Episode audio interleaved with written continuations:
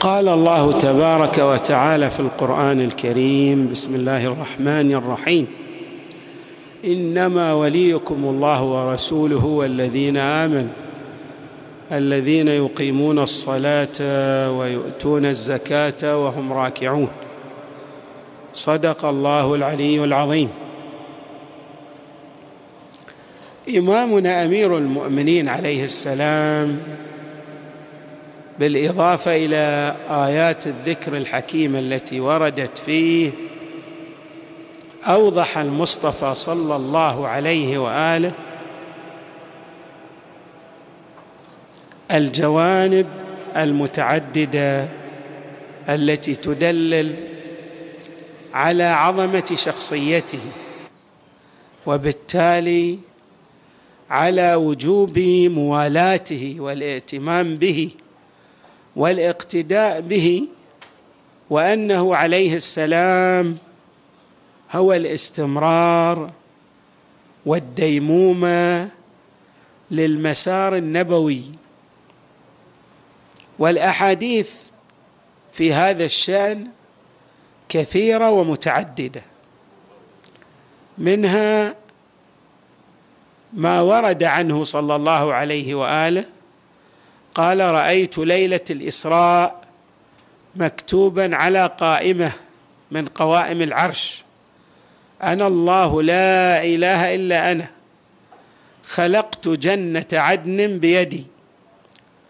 محمد صلى الله عليه واله صفوتي من خلقي. أيدته بعلي ونصرته بعلي. هذا الحديث يبين أن مسألة إمامة أمير المؤمنين ليست مسألة تشريعية وإنما ترتبط بالجانب التكويني بمعنى أن ولاية أمير المؤمنين عليه السلام لها ارتباط بكل عوالم الوجود. فعندما أسري بالنبي صلى الله عليه وآله رأى أن توحيد الحق تبارك وتعالى أنا الله لا إله إلا أنا والمصير إلى الجنة خلقت جنة جنة عدن بيدي يرتبط بالسير والاقتداء بالمصطفى محمد صلى الله عليه وسلم.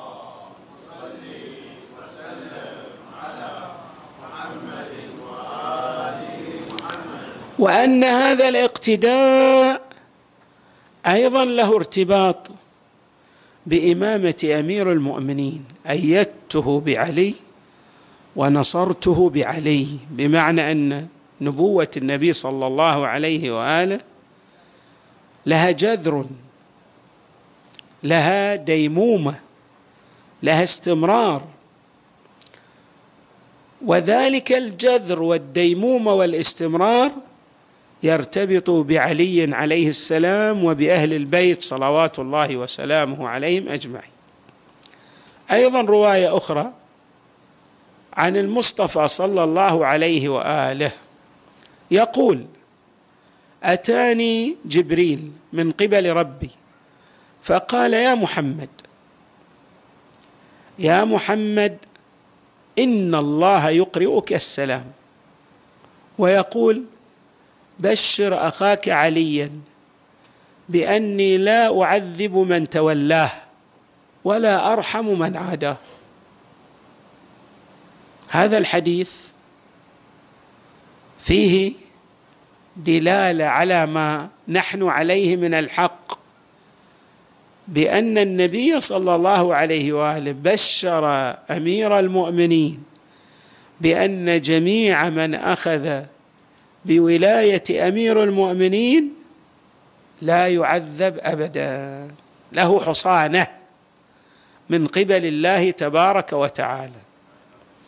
كذلك الرحمة الخاصة لا تكون لمن عاد عليا عليه السلام. أيضا من الأحاديث.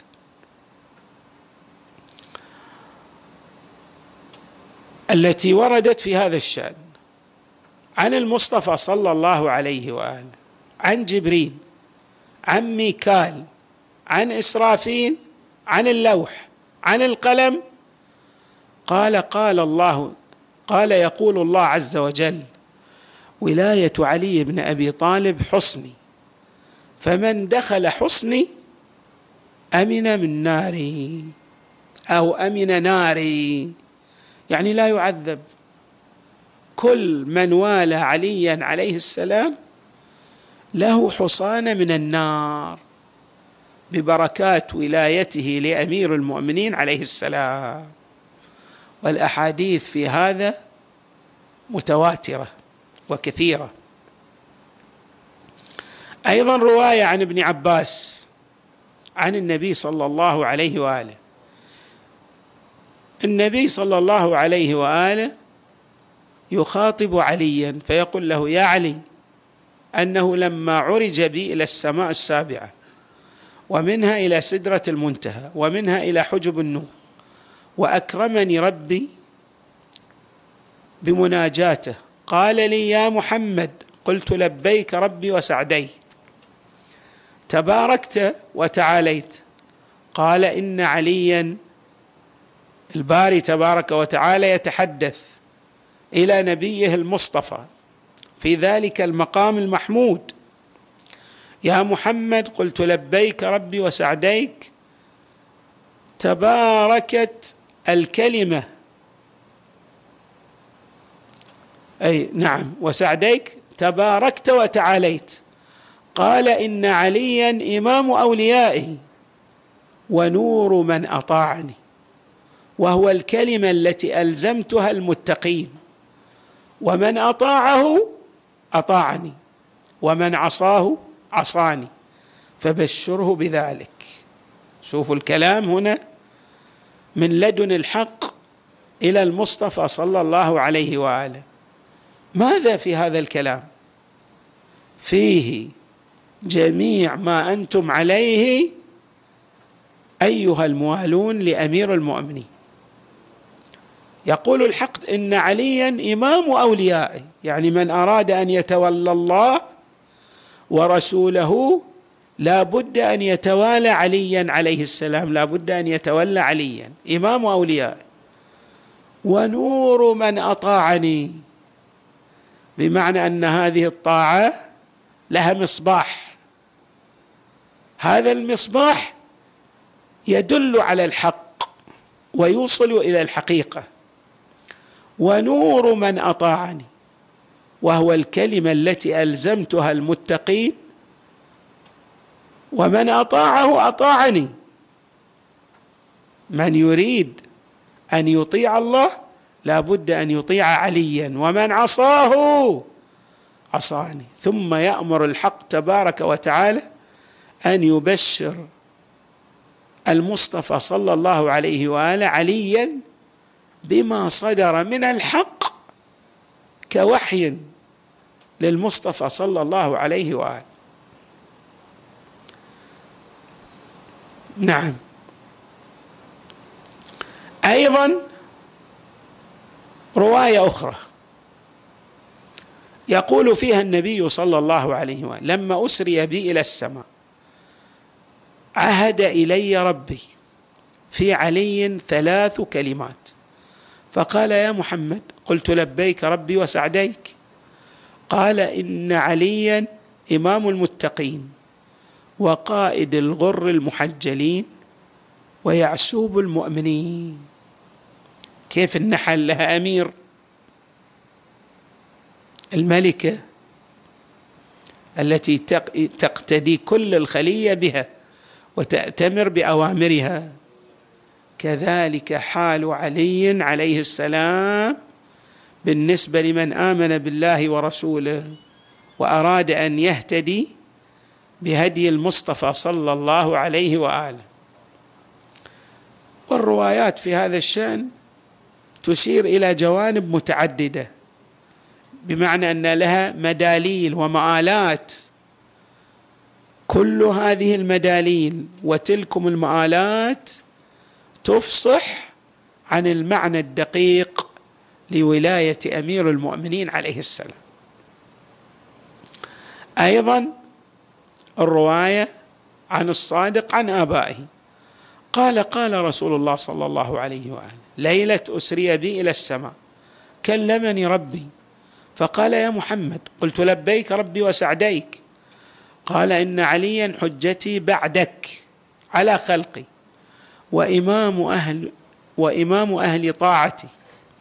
ومن أطاعه أطاعني ومن عصاه عصاني. فانصبه علما لأمتك يهتدون به بعدك. يعني من يريد أن يقتدي بالمصطفى فعلمه الذي يلزمه ماذا؟ علي. علمه أهل البيت صلوات الله وسلامه عليهم أجمعين. أيضا رواية أخرى. هذه الرواية قال نزل جبريل على رسول الله صلى الله عليه وآله فقال يا محمد يقرئك يا محمد السلام يقرئك السلام يعني الله يسلم عليك يا رسول الله. ويقول إني خلقت السماوات السبع وما فيهن والأراضين السبع وما عليهن وما خلقت موضعا أعظم من الركن والمقام. ولو أن عبدا دعاني هناك منذ خلقت السماوات والأراضين ثم لم يل ثم لقيني جاحدا لولاية علي عليه السلام لأكببته في سقار يعني الإنسان حتى لو عبد الله وهو مبغض لعلي غير محب غير سائر على ولاية أمير المؤمنين. وكان يدعو الله ليل نهار صباح مساء أين؟ عند الركن والمقام. الله لا يقبل دعواتي ولا يستجيب له دعاءه ولا يوصله إلى رحمته. لأن هذه الرحمة الخاصة مشروطة بولاية أمير المؤمنين عليه السلام. أيضا الرواية عن الرضا عليه السلام عن آبائه عن أمير المؤمنين. قال قال رسول الله صلى الله عليه وسلم أخبرني جبريل عن الله عز وجل. قال أنه قال علي بن أبي طالب حجتي على خلقي. وديان ديني أخرج من صلبه أئمة يقومون بأمري ويدعون إلى سبيلي. بهم أدفع العذاب عن عبيدي وإمائي وبهم أنزل رحمتي.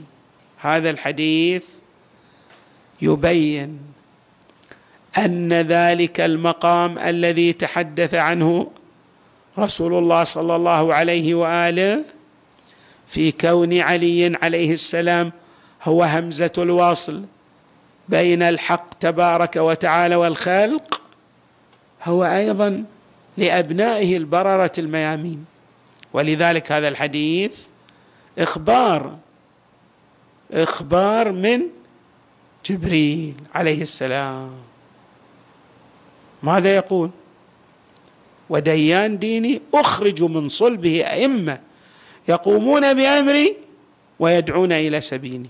بهم أدفع العذاب عن عبيدي.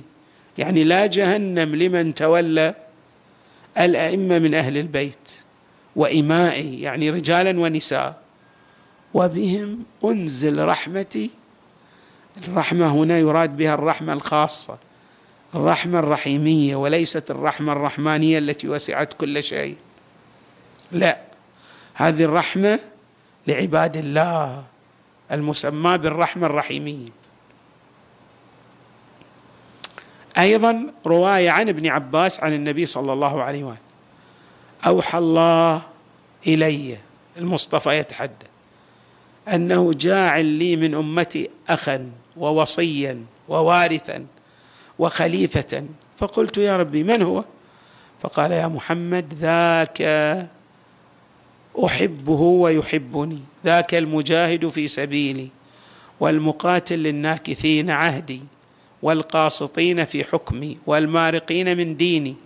ذاك ولي حقا وزوج ابنتك وأبو ولدك علي بن أبي طالب. صلوا على محمد.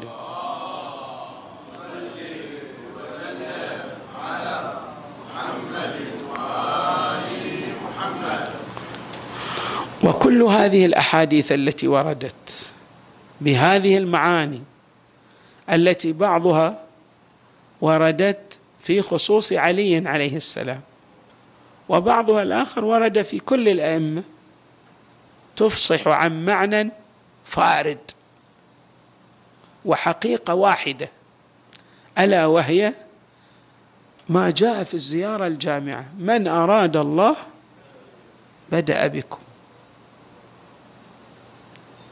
اذا كل من يريد الله تبارك وتعالى لا بد أن يأخذ عن آل محمد صلوات الله